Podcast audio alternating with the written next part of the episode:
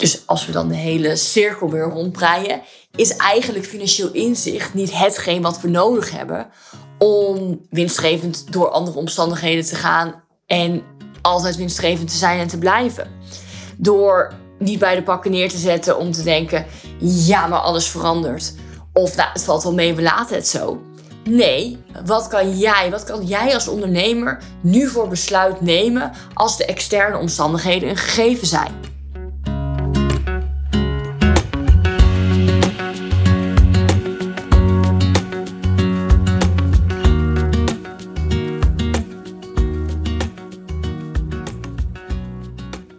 Welkom bij weer een nieuwe podcast. Wat ik altijd doe als ik ga podcasten, dan schrijf ik altijd al even de titel op. En ik heb deze titel opgeschreven: Ondernemen in crisistijd. Deel 1. ik dacht, misschien ga ik even een drieluik maken.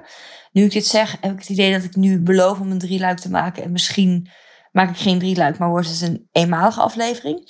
En ik ben het ook nog niet zo eens over de titel: Ondernemen in crisistijd. Want ik vind dat zo deprimerend. Het woord crisis.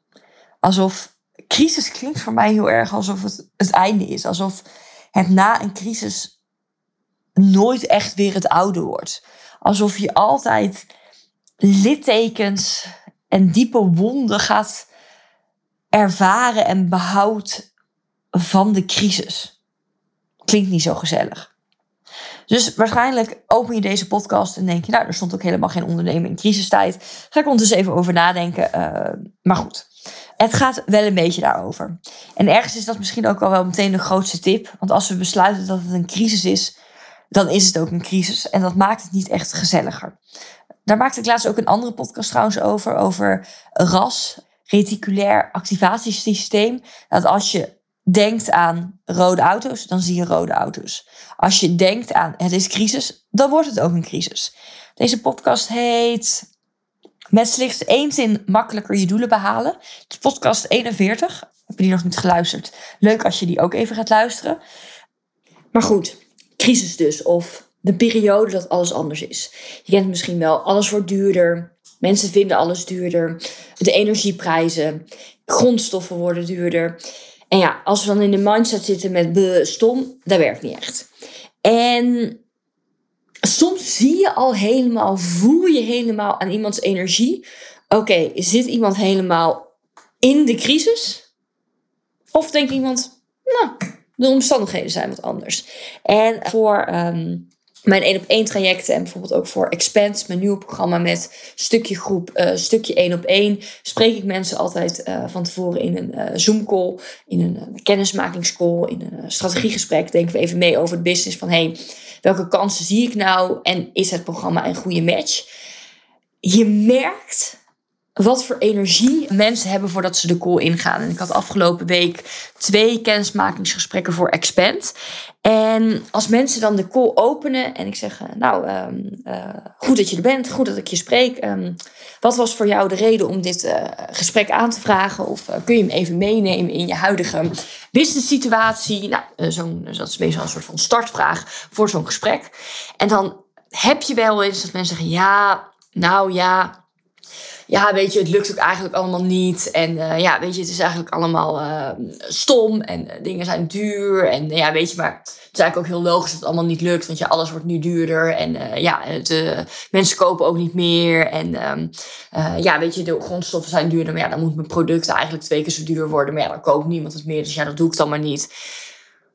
Dat je een soort van, ik ben benieuwd of je het herkent, een soort van brei krijgt aan negativiteit.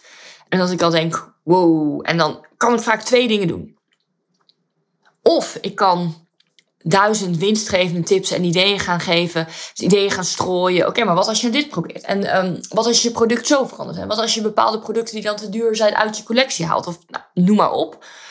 Of ik kan zeggen, nou, uh, weet je, die, die crisistijd of valt wel gewoon mee. Weet je, dat waait allemaal wel weer over. Een soort van te niet doen.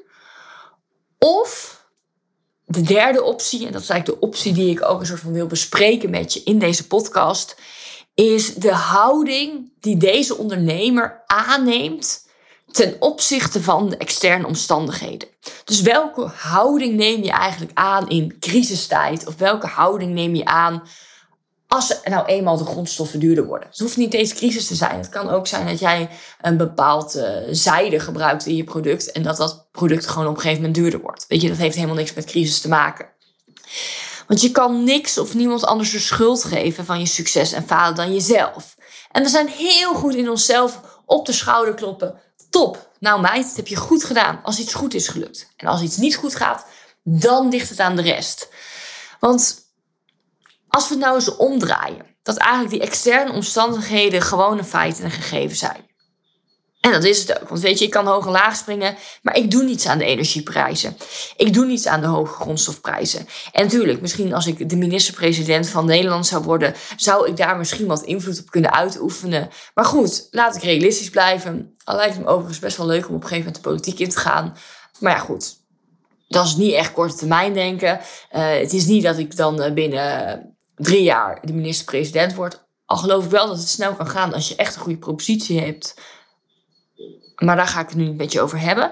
Maar goed, laten we ervan uitgaan dat ik niet echt invloed kan uitoefenen als individu op de grondstofprijzen, op de energieprijzen of wat dan ook. Het enige wat ik kan doen is de, de externe omstandigheden als een gegeven opnemen en binnen deze omstandigheden andere besluiten gaan nemen. Want alleen jij, jij als ondernemer, kan de besluiten maken.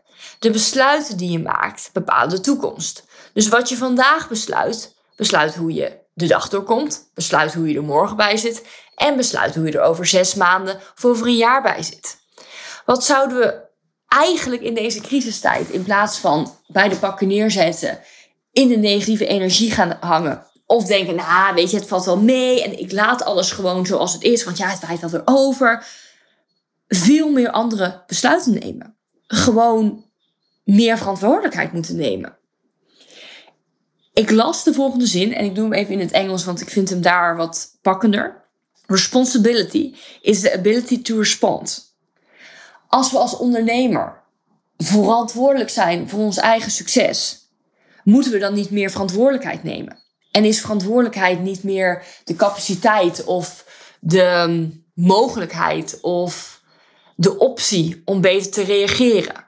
Te reageren op alles wat van buiten gebeurt. Dus prijzen, energieprijzen, grondstofprijzen, besluiten van de regering, noem maar op. Moeten we niet van de externe focus af, maar juist meer naar de interne focus, omdat alleen jij die besluiten kan nemen? Is de enige manier waardoor je winstgevend kan blijven, winstgevender kan worden in tijden van verandering. Niet enkel dat je het vermogen eigenlijk om jezelf aan te passen vergroot. Door sneller te schakelen, door sneller besluiten te nemen. En hoe neem je dan sneller het besluit? Nou, door middel van financieel inzicht. Dus als we dan de hele cirkel weer rondbreien, is eigenlijk financieel inzicht niet hetgeen wat we nodig hebben om winstgevend door andere omstandigheden te gaan en altijd winstgevend te zijn en te blijven. Door niet bij de pakken neer te zetten om te denken: ja, maar alles verandert. Of nou, het valt wel mee, we laten het zo. Nee, wat kan jij, wat kan jij als ondernemer nu voor besluit nemen als de externe omstandigheden een gegeven zijn? Dus welke grondstoffen zijn ineens veel duurder geworden? Kan je die vervangen door andere grondstoffen? Zijn bepaalde producten inderdaad niet meer rendabel en moet je die uh, aanpassen of moeten die weg? Aan welke producten is ineens veel meer behoefte in de markt? Van welke producten gaat de verkoopsnelheid omhoog en van welke omlaag? Wat we over het algemeen vaak zien, is dat het middensegment het vrij lastig heeft. Dus we gaan of de naar een soort van hoogsegment. Van oké, weet je, we doen het in één keer goed. We willen hier echt geld uitgeven. En het lage segment gaat ook goed. Van, nou, weet je, daar heb ik eigenlijk niet zoveel. Uh, daar wil ik op besparen.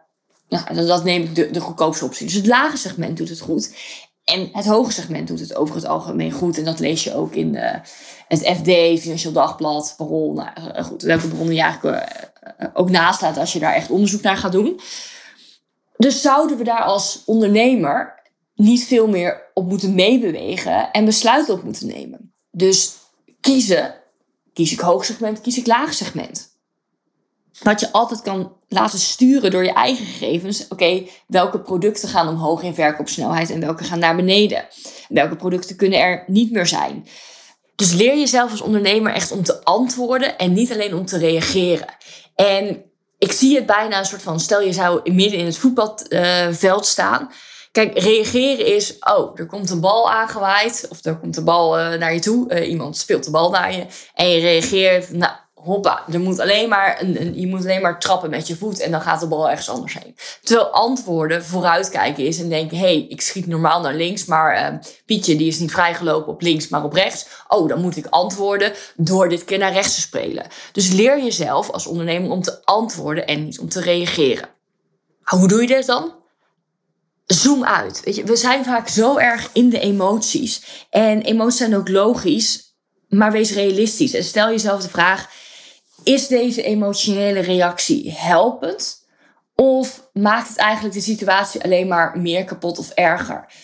Heb je veel emotie omdat je baalt dat dingen veranderen, omdat je liever wil dat het zoals vroeger was? Veel emotie omdat je eigenlijk bepaalde producten niet meer kan aanbieden? En helpt deze emotionele reactie er? Want ja, emoties mogen er zijn, maar zoom uit en concludeer bij jezelf: oké, helpt deze emotie nou echt mijn bedrijf verder? Of maakt het eigenlijk alleen maar meer kapot? En door uit te zoomen, breng je eigenlijk twee ook het probleem meer in perspectief. Want we denken vaak heel snel: oh, we hebben een probleem. Oh, het is anders, we hebben een probleem. Maar is er echt een probleem? Of zijn we eigenlijk gewoon onvoldoende in staat om ons aan te passen aan de nieuwe situatie? En is dat het probleem? Dus is niet de nieuwe situatie het probleem, maar zijn we zelf het probleem of eigenlijk de, onze inflexibiliteit om ons aan te passen? En dan, volgens mij is dit eigenlijk alleen een uh, spreekwoord in het Engels, maak je eigenlijk een berg uit een molshoop. Ik denk oprecht niet dat dat in het Nederlandse spreekwoord is. Wat denk jij? Ik denk het eigenlijk niet. Maar ik denk wel dat je begrijpt dat we het probleem in perspectief moeten brengen. Van hé, hey, is er eigenlijk een probleem? Of zijn we zelf het probleem omdat we inflexibel zijn om ons aan te passen aan de situatie? En ten derde, gevoel is geen feit. Weet je, je mag balen, uh, tuurlijk baal je. Er mogen emoties zijn, maar wat is er nou echt aan de hand en hoe kun je hierop reageren? Wat zijn de opties? Want vaak denken we, het verandert en verstijven we en bevriezen we. Hoe kan het ook anders? Welke besluiten moeten we maken? En maak sterke besluiten. Sterke ondernemers, krachtige ondernemers maken krachtige besluiten. Dus wees creatief. En daar zijn jullie ook allemaal goed in als je deze podcast luistert. Om creatief te zijn en niet reactief. Lijkt op, op elkaar creatief en reactief, maar wees creatief en niet alleen maar oeh, het verandert. Nou ja, het zal wel. Nee, creatief en antwoord in plaats van reageer. Want reageren is vaak dat emotionele, die slachtofferrol, die emotie waarmee ik uh, deze podcast begon als iemand in een Zoom-call komt met, nou, het zit allemaal niet mee en zwaar en lastig. Antwoorden is veel meer wat sterke ondernemers doen, wat winstgevende ondernemers doen. Een stap terugnemen, uitzoomen, de situatie feitelijk, dus op basis van inzicht, op basis van cijfers bekijken. En op basis van inzicht en cijfers en feiten krachtige besluiten nemen, oplossingen bedenken en daarna handelen. Zie het bijna als het volgende. Ik had het gisteren, of nee, dat is niet waar, eergisteren. Ik was eigenlijk al een beetje te laat voor een uh, afspraak. Uh, maar goed, ik uh, wilde graag nog op tijd komen. En ik had een MyWheels gehuurd, een soort van huurauto. Dat is trouwens wel echt super handig. Wat je ook kan doen is Snapcar, is ook handig. Maar goed, ik had dus een MyWheels gehuurd uh, om uh, naar mijn klantafspraak te gaan. En ik was al een beetje laat en daar was ik ook een beetje geïrriteerd op mezelf. Want ik had helemaal niet te laat hoeven zijn. Maar ik was nog even iets aan het afmaken en ineens is het dan ineens laat. Dat heb je wel eens. En nou, toen um, kreeg ik de auto al niet helemaal lekker uit het parkeervak. En helemaal lekker gestart. En nou, toen reed ik zelf een keertje verkeerd. Nou, toen was ik al helemaal geïrriteerd op mezelf. En toen was ik wel gewoon goed on track en ging ik het net halen om op tijd te komen. En toen, nou, dat was niet op Google Maps aangegeven, reed ik de weg in. Maar daar was een soort van opstopping, open weg, uh, opengebroken weg. Dus ik moest eigenlijk omkeren. En ik merkte daarin dat ik heel erg aan het reageren was. Ik was emotioneel of ik, ik raakte een beetje geïrriteerd. Ik, was een beetje, ik had alleen in de auto, maar een beetje scheldend bijna achter het stuur. Ja, uh, waarom moet ik dat nou weer hebben? En irritant. En waarom is dat niet aangegeven? En hoezo niet? En poeh. Nou, terwijl antwoorden zou veel meer zijn: oké, even een stap terug. Uitzoomen. Ik kan niet uh, door de wegopbreking heen en ik kan ook niet langs het bord. Oké, dat is eigenlijk geen optie. Uitzoomen, de situatie feitelijk bekijken. Nou, ik moet eigenlijk wel uh, omkeren. Uh, nou ja, dat moet wel. Ik keer om en dan neem ik de weg die wel werkt. Nou, ondertussen eventjes de klant bellen. hey, ik ben vijf minuten later. Nou, geen enkel probleem. Dus niet in de emotie reageren. Maar, hey, kan ik de omstandigheden nog veranderen? Kan ik ineens zorgen dat ik wel misschien beter had opgelet? Uh, nee, niet meer voor de volgende keer. Kan ik uh, de weg ineens dichtmaken? Nee, ook niet meer, helaas. Oké, nou, dan moet ik terug. Moet ik bellen dat ik later ben. Een andere activiteit misschien wat inkorten. En go. Antwoorden en niet reageren. En wat nou een bijkomstig voordeel is, als je veel meer gaat van, uh, ja, ik heb eigenlijk een hele sterke inner stance. Ik heb een hele sterke interne houding, interne positionering. En ja, de externe omstandigheden zijn anders. Maar ik, ik als ondernemer, ik ga in een rechte lijn vooruit. En als ik dan me wat vaker moet aanpassen, ik wat vaker moet antwoorden, geen probleem, want ik ga van A naar B. Dan met zo'n sterke interne positionering, een inner stance eigenlijk, dan ben je ook veel positiever. En dat straal je uit op anderen. Dus naast dat het vooral je helpt om eerder te antwoorden, zodat je sneller besluiten kan maken, betere besluiten, krachtigere besluiten, zijn winstgevendere besluiten, helpt het je ook als je dat positieve eigenlijk bijna uitstraalt op anderen. Omdat ik ben er zo intens van overtuigd dat er een mega correlatie is tussen hoe jij erin staat en wat dat met jou doet en hoe, wat dat doet met hoe anderen jou en jouw merk zien. Want de samenvattend eigenlijk, niet alleen in crisistijd, maar vooral als de omstandigheden anders zijn dan je had verwacht vooraf. Niet reageren, maar antwoorden. Want krachtige ondernemers maken krachtige keuzes. Krachtige keuzes, krachtige besluiten zorgen voor krachtige resultaten. Ik ben benieuwd wat deze podcast met je doet en welke krachtige besluiten jij hebt te nemen op basis van de feiten, op basis van je cijfers en op basis van financieel inzicht. En misschien zit je nog wel in de stap, ik heb nog geen financieel inzicht, dus ik weet ook niet welke besluiten ik kan nemen. Start dan met financieel inzicht en op basis daarvan besluiten nemen. Want alleen inzicht is nutteloos als je er geen besluiten opneemt. Maar besluiten zonder financieel inzicht zijn wel besluiten, maar geen krachtige, geen sterke, geen winstgevende besluiten. En juist in, ik ga het nog één keer noemen, het pessimistische woord, crisistijd, of als de omstandigheden anders zijn, is het nog belangrijker om niet te denken, oef, de hele omgeving verandert en man, man, man, wat vervelend. Maar wat kan jij doen als ondernemer om anders daarop te antwoorden? Creatief en niet reactief. Ik spreek je in de volgende podcast.